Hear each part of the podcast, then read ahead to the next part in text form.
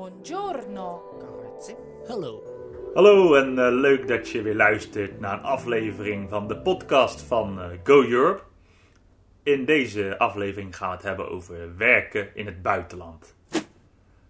Wat is werken in het buitenland? Er zijn natuurlijk een heleboel verschillende banen te verzinnen. Ook een heleboel verschillende banen in het buitenland. Uh, bij werk in het buitenland denken wij aan een betaalde baan. Dus dat verschilt van uh, vrijwilligerswerk. En dat kan van alles zijn. Denk bijvoorbeeld aan werken op een receptie van een camping als skileraar of misschien wel een baan die bij je studie past. Voor wie is werken in het buitenland geschikt? Eigenlijk iedereen die het leuk vindt om in het buitenland te werken, is er natuurlijk voor geschikt. Er zijn allerlei redenen voor te bedenken. Wil je bijvoorbeeld wat bijverdienen tijdens je vakantie? Of wil je in je tussenjaar na je middelbare school een tijdje in het buitenland werken? Of wil je juist heel locatiegebonden werk doen? Bijvoorbeeld op een skipiste of bij een duikschool. Er zijn allerlei redenen te bedenken. Waarom zou je willen werken in het buitenland? Met werken in het buitenland leer je de taal en de cultuur van het land waar je werkt echt goed kennen. Je dompelt je helemaal onder. Daarnaast doe je werkervaring op en ook goede werkervaring. Uh, werken in het buitenland doet het altijd erg goed op je cv.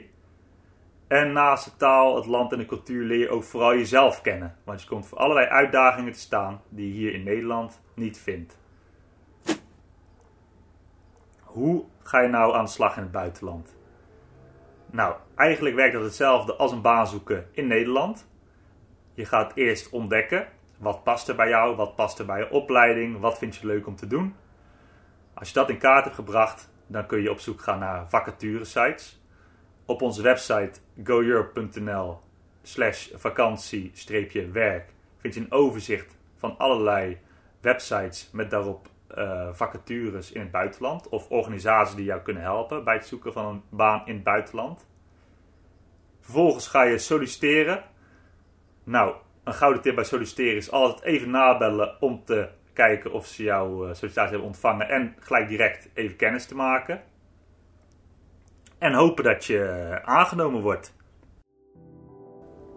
Hartstikke leuk dat je hebt geluisterd naar deze aflevering over werk in het buitenland. En uh, houd onze podcast in de gaten voor meer informatie en inspiratie over jouw buitenlandavonturen. Tot de volgende keer!